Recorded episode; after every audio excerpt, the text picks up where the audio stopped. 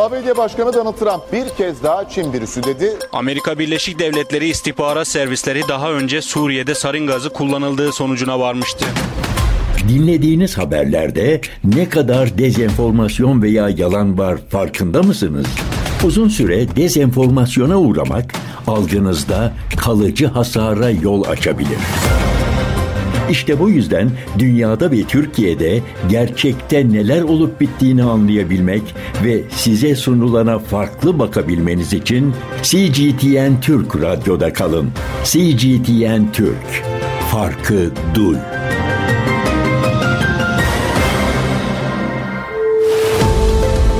60 dakikada devre alem başlıyor.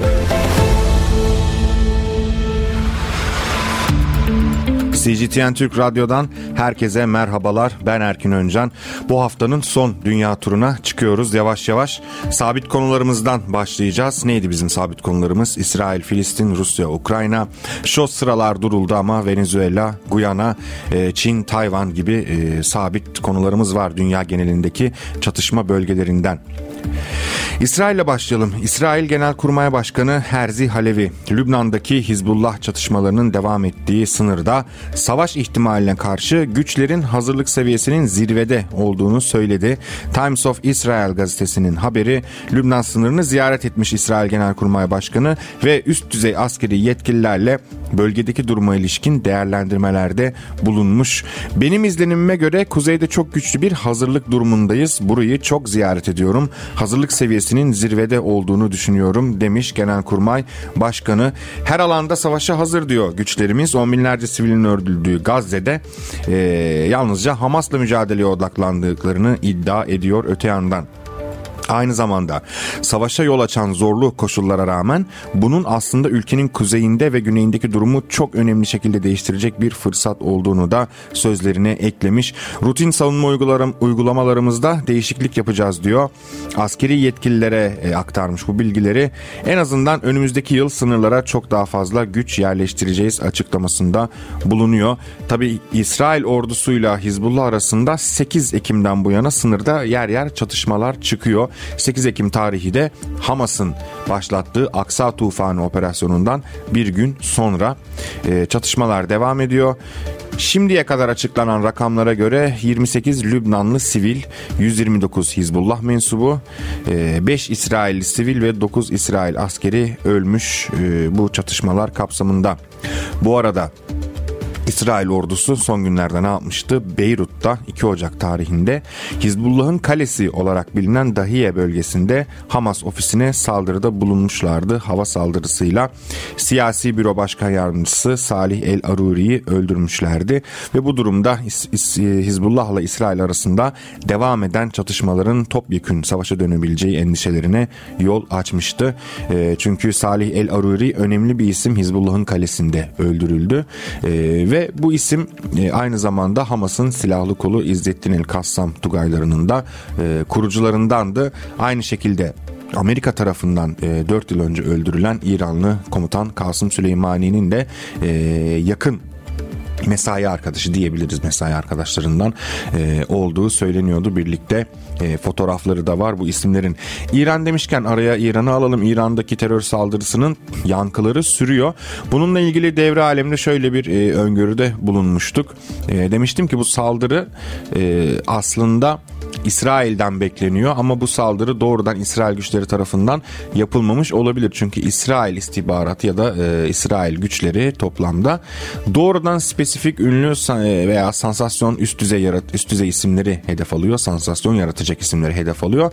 Ama bu eylem bir e, kitlelerin arasında gerçekleştirilen bir saldırıydı. E, dolayısıyla bunun arkasından muhtemelen radikal İslamcı terör örgütleri çıkacak e, demiştik. Nitekim öyle de oldu. Saldırıyı IŞİD üstlendi. Saldırıyı yapan e, birbirinden farklı olabilir tabi bu arada ama siyasi olarak zaten IŞİD'in e, Orta Doğu'daki varlığı doğrudan İsrail'in Siyonist yayılmacılığıyla ve Amerika'nın bölgedeki emperyalist politikalarıyla ilgisi var. Aslında fail dolaylı olarak da olsa yine aynı. Tabi bu e, önce Hamas yetkilisinin suikast ardından İran'daki saldırı dünya çapında endişeleri artırdı. Avrupa Birliği Dış İlişkiler ve Güvenlik Politikası Yüksek Temsilcisi Josep Borrell 5-7 Ocak tarihlerinde Lübnan'ı ziyaret edecek. Bir yazılı açıklama yapıldı bununla ilgili. Ziyaret kapsamında Lübnan Başbakanı Necip Miktati, Dışişleri Bakanı Abdullah Buhabib ve daha, daha başka üst düzey yetkililerle de görüşeceği ifade edilmişti. Lübnan Başbakanı da biz Hizbullah'ı sınırdan geri çekmeye çalışıyoruz açıklamasında bulunmuştu. Muhtemelen bu konular konuşulacak. Gazze'deki durum konuşulacak. İsrail-Lübnan sınırındaki meseleler e, konuşulacak ve sivillere insani yardımın sürdürülmesi gibi konularda ele alınacak. Ee, Avrupa Birliği bir yazılı açıklama yaptı demiştik. Bu açıklamada da e, yüksek temsilci İsrail, Filistin ve bölgede kesin ve kalıcı bir çözüm sağlanması için koşulların yaratılmasına yönelik bölgesel liderlerle diplomatik çabaların artırılmasının önemini bir kez daha vurgulayacaktır ifadelerine yer vermiş. Bu tür diplomatik açıklamalar zaten e, çok uzun cümleler ve anlaşılmayacak diplomatik e, anlaşılmayacak ifadeler içeriyor. Bunun Türkçesi şudur. Bölgede ortalık karışıyor. Biz de Avrupa Birliği olarak bir gidelim. Tarafları bir sakinleştirmeye çalışalım. E, bakalım ne olacak e, anlamına geliyor. Hamas'tan devam ediyoruz. Hamas'ın yurt dışı sorumlusu Halit Meşal İsrail'in Salih el Aruri'ye düzenlenen suikastın ardındaki amacının krizi yurt dışına ihraç etmek olduğunu söylemiş. Aslında biraz amaç bu. E, malum bir şey bu. E, Hamas Siyasi Büro Başkanısı Aruri öldürülmüştü. Ve Meşal konuşmasında diyor ki düşman İsrail diyor. El Aruri'ye suikast düzenleyerek krizini yurt dışına ihraç etmek ve saldırı çemberini genişletmek istiyordu. Bu adımın direnişin ve bölgenin hesaplarını karıştıracağını, liderlere yönelik suikastın direnişin iradesini iradesini kıracağını ve liderliği zayıflatacağını düşünüyordu demiş. Aynı zamanda bu suikastın İsrail'in Gazze'de 3 e, aydır devam eden saldırganlığı ve soykırımından sonraki başarısızlığı ve hayal kırıklığının gölgesinde gerçekleştiğini de belirtti. Yani Gazze'de çamura saplandılar. Onca e, sivili katlediyorlar ama bir ilerleme kaydedemediler. Böyle bir hamleyle hem e, makyaj tazelemeye çalışıyorlar e, hem de savaşı e, sınırların dışarısına taşımaya çalışıyorlar gibi bir görüşü var Meşal'in. Dahiye bölgesinde tekrar ederim öldürülmüştü Aruri ve beraberindeki 6 kişi. Yine Hamas, Birleşmiş Milletler ve Uluslararası İnsan Hakları örgütlerine bir çağrıda bulundu. Dediler ki İsrail'in yüzlerce Filistinliyi işgal altındaki Doğu Kudüs'ten zorla sürmesini engelleme, e, engelleyin çağrısında bulunmuş bir yazılı açıklama yapıldı. Birleşmiş Milletler ve Uluslararası İnsan Hakları örgütlerinin İsrail'in ve beldelerinden zorla sürülmesini evlerinden e, bu ırkçı kararı uygulamasını engellemesi gerektiği belirtilmiş. Bu adımın Filistinlilerin zorla sürülerek kendi topraklarından tasfiyesine yönelik bir planın uygulanması olduğuna dikkat çekilmiş.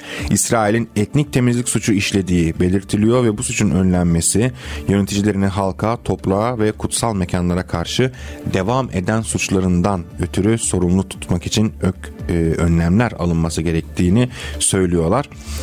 İsrail Ordu Radyosu'nun haberinde de e, Tel Aviv yönetiminin Şubat 2023'te çıkarılan vatandaşlık kanununda yapılan düzenlemenin ardından İsrail vatandaşı yüzlerce Arap'la Doğu Kudüs'te daimi ikamet statüsüne sahip Filistinlileri Batı Şeria'ya sürmeye hazırlandığı öne sürülmüştü.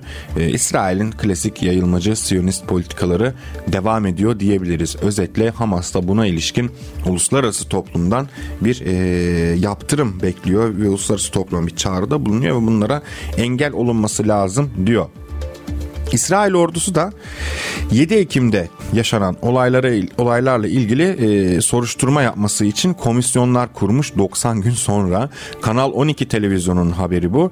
E, üzerinden 90 geçtikten sonra e, bu olayın sebeplerini araştırmaya karar verdiği ifade edilmiş. Bir komisyon oluşturmuşlar. Bu komisyonda eski Genelkurmay Başkanı Shaul Mofaz, eski İsrail Askeri İstihbarat Servisi Başkanı Aharon Zevi Farkaş ve ordunun Güney Komutanlığı eski komutanı Sami Turgeman'ın olduğu kaydedilmiş. İsrail lideri Benjamin Netanyahu da Filistin direniş güçlerinin 7 Ekim'de sınırdaki İsrail e, birimlerine e, yönelik operasyonu hakkında önceden istihbarat alınmaması nedeniyle İsrail içinde büyük eleştirilere maruz kalmıştı. Aslında e, tartışılan şey de bu İsrail'de ama önceden istihbarat almama gibi bir e, mesele yokmuş aslında. Biz bunu gördük. Zaten bu programda da özellikle e, Kasım Aralık e, aylarındaki programlarımızı bunun detayları ile birlikte işlemiştik. Neydi bunlar? Aslında İsrail istihbaratı hem e, Mossad hem e, askeri istihbarat böyle bir operasyona hazırlık yapıldığının farkındaydı. Neydi bu hazırlıklar? İsrail istihbarat raporlarına düşen bazı hazırlıklar var. Paramotor eğitimleri Hamas militanlarına, ee, İsrail'in e, sınıra çektiği çitlerin e, hızlı bir şekilde aşılması ve içeriye e, insan sokulması gibi e, eğitimler. Aynı zamanda İsrail askeri noktalarını e, tamamen birebir canlandırarak oraya yönelik operasyon eğitimleri. Ve bir diğer önemli noktada bu eğitimlere e, önceki eğitimlere kıyasla çok sayıda üst düzey Hamas yetkilisinin katılmış olduğu da İsrail istihbarat raporlarının e, aktardığı bilgiler arasındaydı. Ve bunu e, hem İsrail basını hem Amerikan basını ortaya çıkardı. Zaten İsrail'in bu meseleden haberdar olduğunu. Ancak İsrail istihbaratı bunları ciddiye almamış. Ciddiye almadığı gibi e, bu ciddiye almadığı halde üstlerini bu konuda bilgilendirmemiş hükümeti ve bu bilgiler kaynamış gitmiş açıkçası ama bu bilgilerin e, gerçek olduğunu 7 Ekim'deki Aksa Tufanı operasyonuyla hem İsrail hem de bütün dünya görmüş oldu. Daha yeni yeni işte bir de bunun komisyonunu kuruyorlar. Ne oldu ne bitti o gün gibi araştıralım bakalım diye. E, umarım aslında oradaki Nova Müzik Festivali'nde yaşananları da araştırırlar. Çünkü dünya genelinde ne olarak biz görmüştük? E, çok çarpıcı görüntüler vardı. Nova Müzik Festivali'nde eğlenen İsrailliler dans ediyorlar. Bir yandan gökyüzünden paramotorlarla direniş güçleri iniyor. Ee, İsrail'de bu festival katılımcılarının Hamas güçleri tarafından öldürüldüğü iddia edilmişti ama şu şekilde doğrudan müzik festivaline bir baskın düzenlendiği iddia edilmişti.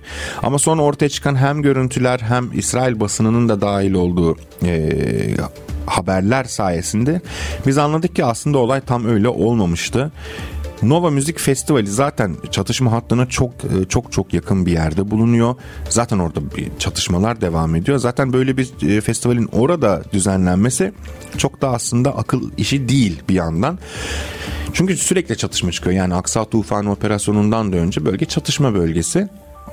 Aynı zamanda sonradan ortaya çıkan görüntülerde e, biz gördük ki dünya kamuoyu olarak bölgede müzik festivalinin olduğu bölgede zaten İsrail'in silahlı güçleri var ve bu silahlı güçler iniş yapan e, Hamas militanlarına ateş etmeye ateş etmeye başlamış bile. Orada bir çatışma çıkmış. Hamas militanları da karşılık vermiş. Bu Nova e, Müzik Festivali'nde katılımcılar arasından esir alınanlar da oldu. Bunlarla ilgili de çok çok sayıda yalan haber okuduk biz bu süreçte ve doğrudan önemli bir kısmı İsrail devletinin resmi sosyal medya hesapları tarafından yayınlanan haberlerdi bunlar. Yalan haberlerdi. Dünya kamuoyu bir şeylere ikna edildi. Yalan ordu olduğu da ortaya çıktı önemli sayıda haberin ama bu haberlerin e, yarattığı etki geri alınamadı. İşte dezenformasyon çalışması biraz da böyle bir şeydir. Sonradan yalanlansın ya da yalanlanmasın. Önemli olan o yalanın piyasaya sürüldüğü, dolaşıma sokulduğu anda yarattığı etkidir. Dolayısıyla sosyal medyada dikkat edin sonradan yalan olduğu anlaşılan e, bir haber yayıldığında binlerce e, yeniden paylaşım alırken o haberin yalan olduğunu kanıtlarıyla ortaya sunan kişi ya da kurumların paylaşımları e, çok çok düşük e, ilk paylaşımlara göre. Dezenformasyon dediğimiz tam olarak böyle bir şey ve bu bağlamda dünyada zaten devam eden bir savaş da var neredeyse internet üzerinden. Daha sonra zaten bu festivalin katılımcılarından olup Hamas'a esir düşüp sonra kurtulanlar arasından da e, bir açıklamalar geldi. E, bu insanlar da zaten Hamas militanlarıyla çoğunluğu hem siviller hem de müzik festivali katılımcıları bayağı e, el sıkışıp vedalaşarak ayrıldılar. Tersindense İsrail'in elindeki e, Filistinlilerin büyük psikolojik ve fiziksel işkencelerden geçerek e, özgürlüğüne kavuştuklarını da aynı zamanda gördük. Dolayısıyla umarım kurulan komisyon bu Nova Müzik Festivali'nde yaşananları da araştırır. Çünkü Haaretz'in bir haberinde de vardı yine iki ay önce yayınladığı. Orada da İsrail ordusu Hamas operasyonlarına başlayınca bir paniğe kapılıyor. Böyle bir operasyon beklemiyorlar çünkü ve hem İsrail tankları, İsrail helikopterleri veya İsrail askerleri Filistinli zannederek çok sayıda İsrailli e, sivile de ateş açtıkları da kanıtlarıyla ortaya konmuştu. Devam edelim İsrail'den. İsrail Savunma Bakanı Yoav Galant'ın bir açıklaması var.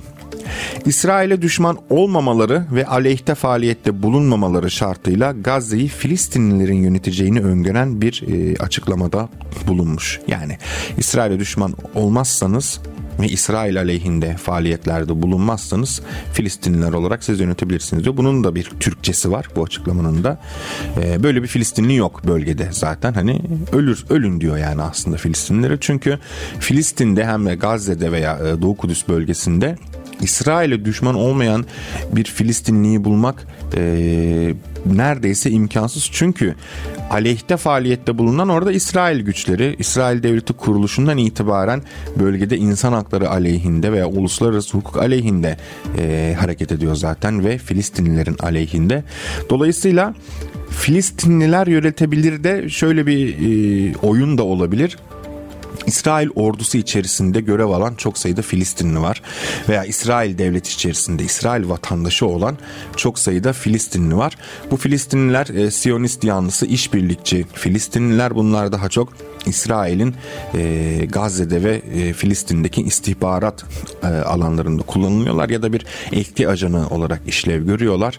Hani bir Filistinli, e, Arap, e, Müslüman ve ama İsrail'i destekliyor. İsrail ordusuna mensup. İsrail'in herhangi bir resmi kurumunda çalışıyor vesaire.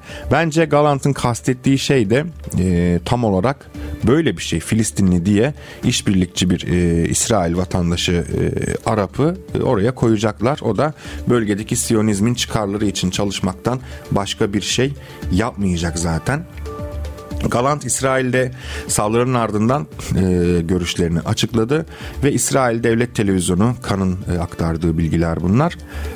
Diyor ki İsrail savaşın ertesi günü Gazze'nin sivil kontrolünü ele geçiremeyecek. İsrail'in Gazze'de sivil varlığı olmayacak. Gazze'de sorumluluğu üstlenecek kişiler İsrail devletine düşman olmamaları ve aleyhinde çalışmamaları şartıyla Filistinliler olacak. Yani Siyonist Araplar olacak bunlar. Ve Hamas dışında herhangi bir grubun yönetim adayı olacağını dile getirdi. Şimdi Gazze'de Hamas dışında hangi grup yönetim adayı olabilir ve kabul edilebilir? Filistin Kurtuluş Örgütü mü? Filistin Halk Kurtuluş Cephesi mi?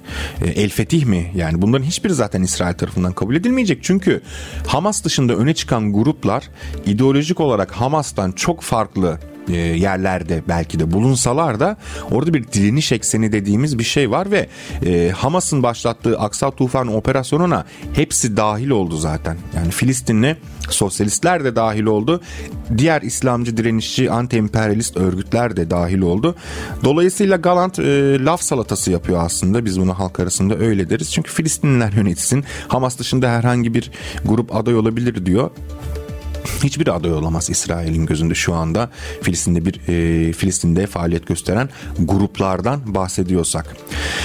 Ve e, Mısır'ın da Gazze'de savaş sonrası dönem için başka bir rol oynayacağını söylüyor. Galant Amerika liderliğinde Avrupalılar ve diğer bölge ülkeleriyle ortaklaşa oluşturulacak bir komitenin Gazze'nin imarından sorumlu olacağını aktardı. İşte Gazze'nin imarı, bölge ülkeleri ile ortaklaşa bir komite ne kadar aslında e, sadece uzaktan duyulduğunda çok böyle hoş aslında insani görünen e, ifadeler bunlar. İşte Gazze'de bir savaş oldu. Bütün uluslararası toplum barış istiyor ve bu uluslararası toplum bir araya gelecek, el ele verecek ve Gazze'yi yeniden inşa edecek. Ama nasıl inşa edecek? Filistinliler olmadan inşa edecek, direniş güçleri, direnişler olmadan inşa edecek ve e, ben size söyleyeyim Amerika liderliğinde Avrupalıların ve diğer bölge ülkelerinin ortaklaşa oluşturduğu komite daha önce var. Daha önce bir yerde birden fazla yerde böyle komiteler oluşturdular. Nerede oluşturdular? Amerika liderliğindeki uluslararası toplum. Irak'ta Saddam'ı devirdikten sonra Irak'ı çok büyük bir karanlığın içine sürüklediler. Hala istikrarını tam olarak sağlayamamış bir devlet. Orada işte Galant'ın istediği bu komiteyi oluşturmuşlardı. Libya'da Kaddafi'nin e, Libya'sını e, yok ettikten sonra ve ülkeyi hala devam eden kanlı çatışmaların yaşandığı bir döneme sürükledikten sonra da Amerika, e, Avrupa ve uluslararası toplum öncülüğünde bir komite kurularak bölgenin kaderini belirlemişlerdi. E, Yugoslavya'yı bombaladıklarında Yugoslavya'yı bir renkli devrimler sürecine sokup dağıtırlarken orayı bombaladıklarında da uluslararası komisyonlar devredeydi. Birbirleriyle görüş alışverişinde bulunuyorlardı. Bölgenin yeniden imarı için çalışıyorlardı. İlla savaş olmasına gerek yok. Ukrayna'da da uluslararası toplum Ukrayna'yı ateşe attı. Afganistan da sadece Amerikan güçler yoktu ki Afganistan'daki Amerikan işgali Amerika liderliğindeki bir uluslararası e, işgaldi. Orada da komite vardı. Ne oldu daha sonra?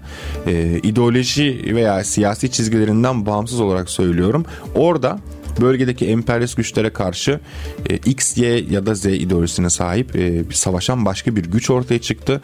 E, Afganistan uzun süreli e, işgal altında yaşadı Afgan toplumu ve Afganistan'da e, emperyalist güçler bölgeden kaçmak zorunda kaldıktan sonra başka bir karanlık dönemi başladı. Yani bir yerde ben en azından kişisel olarak böyle düşünüyorum.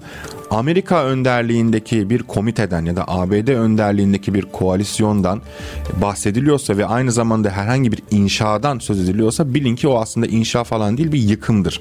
E, dolayısıyla Savunma Bakanı'nın istediği şey de tam olarak bu. Amerika önderliğinde bir koalisyon kurulsun. Avrupa ülkeleri olacak, bölge ülkeleri olacak. Bölge ülkeleri diyor. Mesela bölge ülkeleri arasında İsrail, e, Suriye'nin olmasını kabul eder mi? İran'da bölge ülkesi, İran'ın olmasını kabul eder mi? Etmeyecek. Dolayısıyla orada bir uluslararası koalisyon olacak. Bu kurulacak komite de işte Gazze'yi yeniden inşa edecek falan filan ama Gazze'ye e, ekonomik yardımlarla bölgeyi daha fazla kendisine bağlayacak. Aynı zamanda biz burada istikrarı sağlamak zorundayız diye barış gücü konuşlandıracaklar bölgeye uluslararası alanda, uluslararası güçlerden oluşan Amerikan önderliğinde. Yani aslında hikaye e, aynı devam ediyor. Amerika'nın politikalarının e, biz dünya çapında nasıl uygulandığını e, Irak, Suriye, e, Libya gibi örneklerden her zaman e, her seferinde izledik. E, ama e, sonucunda ne oldu? Yine e, tarihe işledikleri suçlar e, unutulmamak üzere yazılmış oldu. Dolayısıyla bu işte uluslararası koalisyon kurulsun öyle olsun böyle olsun hani e, bunların amacı zaten ortada. Bu arada e, Kan haber ajansı İsrail'deki İsrail'deki savaş kabinesi üyelerinden de e, üst düzey bir yetkilinin Galant'ın açıklamalarıyla ilgili değerlendirmesine de yer vermiş. Buna göre ismi verilmeyen üst düzey yetkili Savunma Bakanı'nın konuyla ilgili basına yaptığı açıklamanın bir öneriden başka bir şey olmadığını, bu konuyla ilgili kararların medya aracılığıyla değil siyaset ve güvenlik işlerinden sorumlu kabinede alınacağını belirtmiş. Galant konuşuyor ama o devleti bağlamıyor siz onun konuştuğuna bakmayın demeye getirmiş ismini vermeyen üst düzey bir yetkili. Bu da tabii ki Galant'ın kendisiyle ve Galant'ın önerdiği şeyle ilgili değil İsrail'de e, devam eden çatışmayla siyasi çatışmayla ilgisi var. E, Galant Tım bu önerisine İsrail'e ismini vermeyen bir yetkili e, böyle bir çıkış yapıyorsa o muhtemelen Netanyahu'ya yakın, yakın bir yetkilidir diyebiliriz. Çünkü İsrail'de askeri liderlikle e, savunma bakanlığı da dahil buna Netanyahu yönetimi arasında uzundur süre gelen bir gerilim var. Hatta geçen sene Netanyahu Galant'ı önce görevden almıştı tartışmalı yargı reformu paketi e, ve e, reform paketini tartışmaların gölgesinde görevden almıştı. Daha sonra İsrail'de Netanyahu karşıtı çok büyük kitlesel eylemler düzenlenmişti. Çünkü e, İsrail e, Netanyahu liderliğinde bambaşka zaten başka bir rotadaydı ama daha da başka bir rotaya doğru ilerliyor. Galant zaten her zaman Netanyahu'yla e, zıt giden bir isim. Dolayısıyla Netanyahu'nun bu açıklamasını e, Galant'ın bu açıklamasını üst düzey ve ismini vermeyen bir yetkili yalanlıyorsa bu artık e, bu muhtemelen e, Netanyahu'nun e, adamlarından biridir diyebiliriz. O da diyor ki Galant konuşuyor ama siz ona bakmayın. Bu işler öyle olmaz. Bizim kurullarımız var, kurallarımız var. Medyayı açıklayarak e, böyle süreçler yürütülmez diyor. Şimdi Gazze'nin ne olacağını e, hala tartışmaya devam ediyorlar. Bu aslında e, bir anlamda şaşırtıcı bir anlamda inanılmaz bir şey. Hani İsrail Gazze öyle olsun böyle olsun diyor. Amerika çeşitli önerilerde bulunuyor ama Gazze'de çamura saplanmış durumdalar. Gazze'de siviller katlediliyor her gün. Hastaneler, okullar, kreşler bombalanıyor. Altlarından tünel geçiyor denerek. E, ama e, direniş güçleri hala çekilmedi. Direniş güçlerini hala yenemediler. E, ve günden güne aslında büyüyor. Suikastlar oluyor evet. E, arkasında gördükleri güce İran'a yönelik saldırılar oluyor. Evet devam ediyor. İsrail güçleri hem Lübnan'a hem Suriye'ye saldırılarına devam ediyor. Gazze'ye yoğunlaşmış durumda. Ama e, kesin bir şey var ortada. İsrail güçleri Gazze'yi e, henüz işgal edemediler. Her şeye rağmen orada direniş devam ediyor. Ama sanki böyle bir şey yokmuş gibi e, Gazze'de biz işte savaş bitince şunları şunları yapacağız gibi açıklamalarda bulunuyorlar. Hala direnişin oradaki gücünü, e, gücünden de önemlisi direnişin oradaki meşruiyetini yok saymaya çalışıyorlar. Çünkü yok sayar, yok saymadıkları an onu Hamas'ı bir muhatap olarak kabul etmek zorunda kalacaklar. Ama eninde sonunda yaşanacak şey de bu. Benzer bir açıklama Amerikan Dışişlerinden de geldi. Amerikan Dışişleri Bakanlığı Batı Şeria ve Gazze'yi tek idare altında birleştirebilecek bir yönetim modelinin tartışılması gerektiğini söylemiş. Amerika burada şunu oynuyor. Mahmut Abbas ve e, Gazze Hamas arasındaki çelişkiyi oynuyor. Hatırlarsınız yine programımızda bahsetmiştik. Mahmut Abbas diyor ki e, tamam işte oradaki direnişi e, destekliyor aslında. İsrail'in saldırılarını en sert şekliyle kınıyor ama e, söylemi, üslubu şey hani orası da bizim yani Gazze'de Filistin'dir. Ama Hamas öyle düşünmüyor. Hamas'taki en büyük e, Gazze'deki en büyük e, siyasi irade Hamas. Hatta Aksa Tufan operasyonu ve ardından İsrail'in saldırıları başladığında Filistin tarafında çok sayıda insan sokaklara dökülerek Mahmut Abbas'ı protesto etmişti. Bu meseleye e, katılım sağlamadığı, elini korkak alıştırdığı için. Şimdi Amerika'da buna oynuyor. Diyor ki iki bölgeyi tek idare altında birleştirebilecek bir şey kurmamız lazım diyor. Muhtemelen Amerika Şimdi böyle bir e, böyle bulanık tariflere başladı ama bir süre sonra tamamen e, Mahmut Abbas'ı işaret edecekler. Muhtemelen bir e, barış senaryosuyla birlikte. Bu da e, tutmaz. Çünkü hep e, yine aynı şeyi söylüyoruz programlarımızda. Sahadaki durum belirleyicidir. Bugün sahadaki durum e, Hamas önderliğinde ve diğer önemli e, direniş örgütlerinin e, Müslüman, İslamcı ya da sol sosyalist farkı etmeksizin e, oluşturduğu bir direniş ekseni orada son sözü söylüyor. E, bugün öyle, yarın da öyle olacak.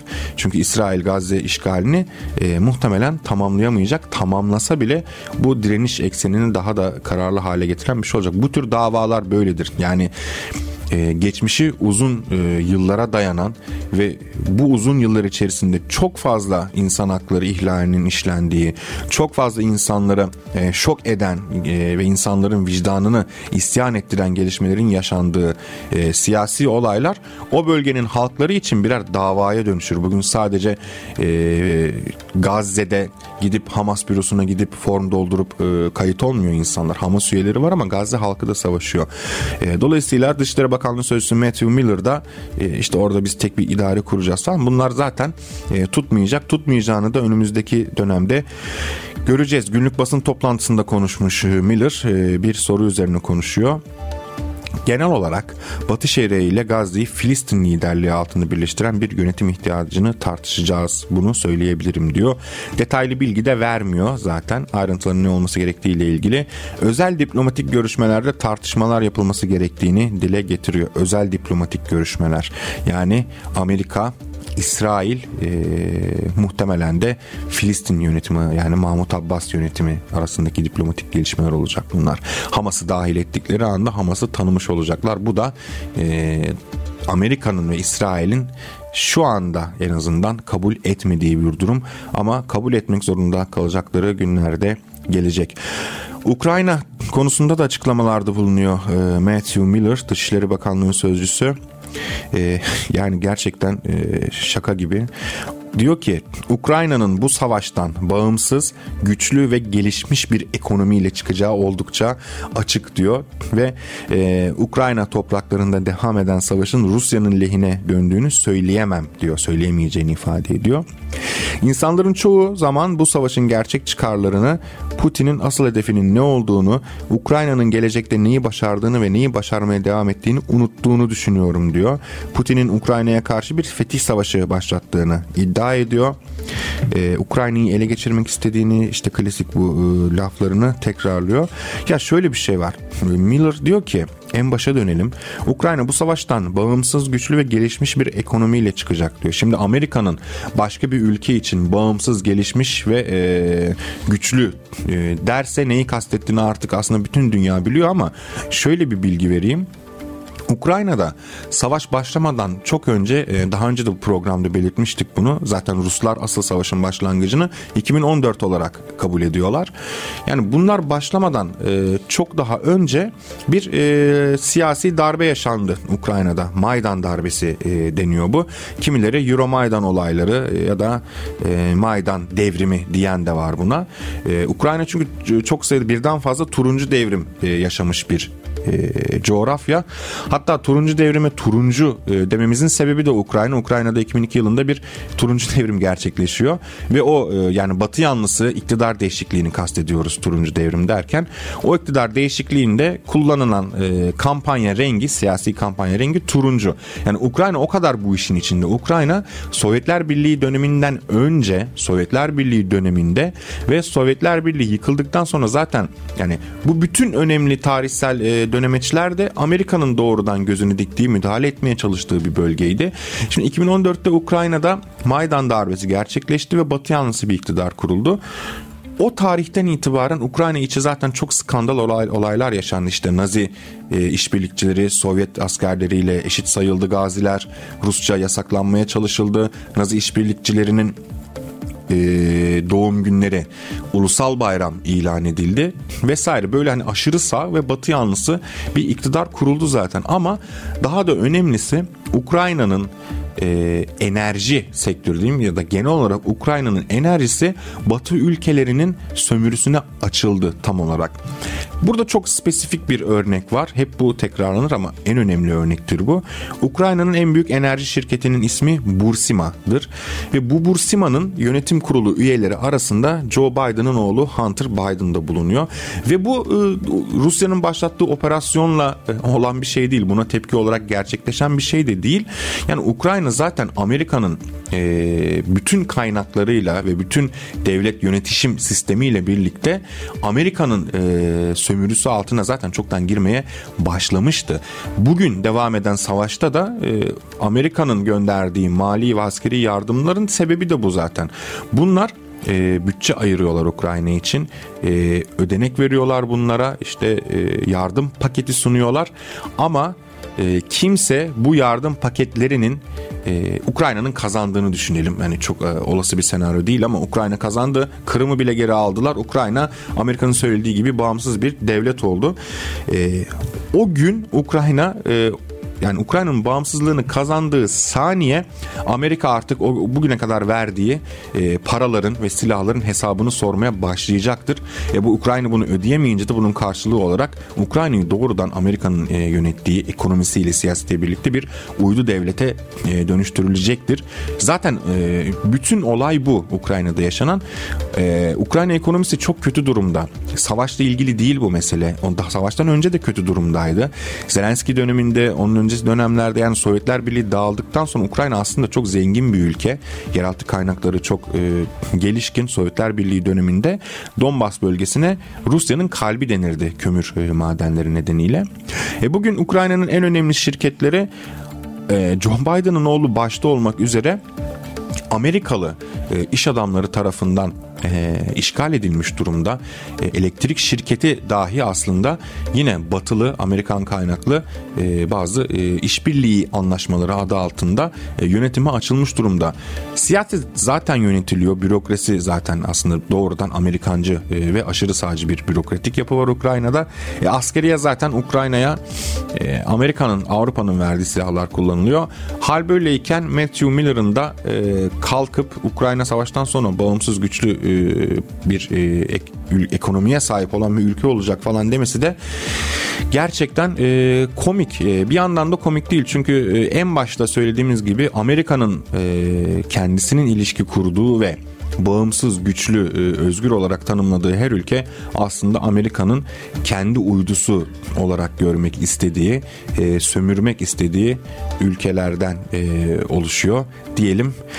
Evet bugünkü dünya turumuzu da Amerika ile İsrail ile başladık. Amerika ile tamamlamış olalım.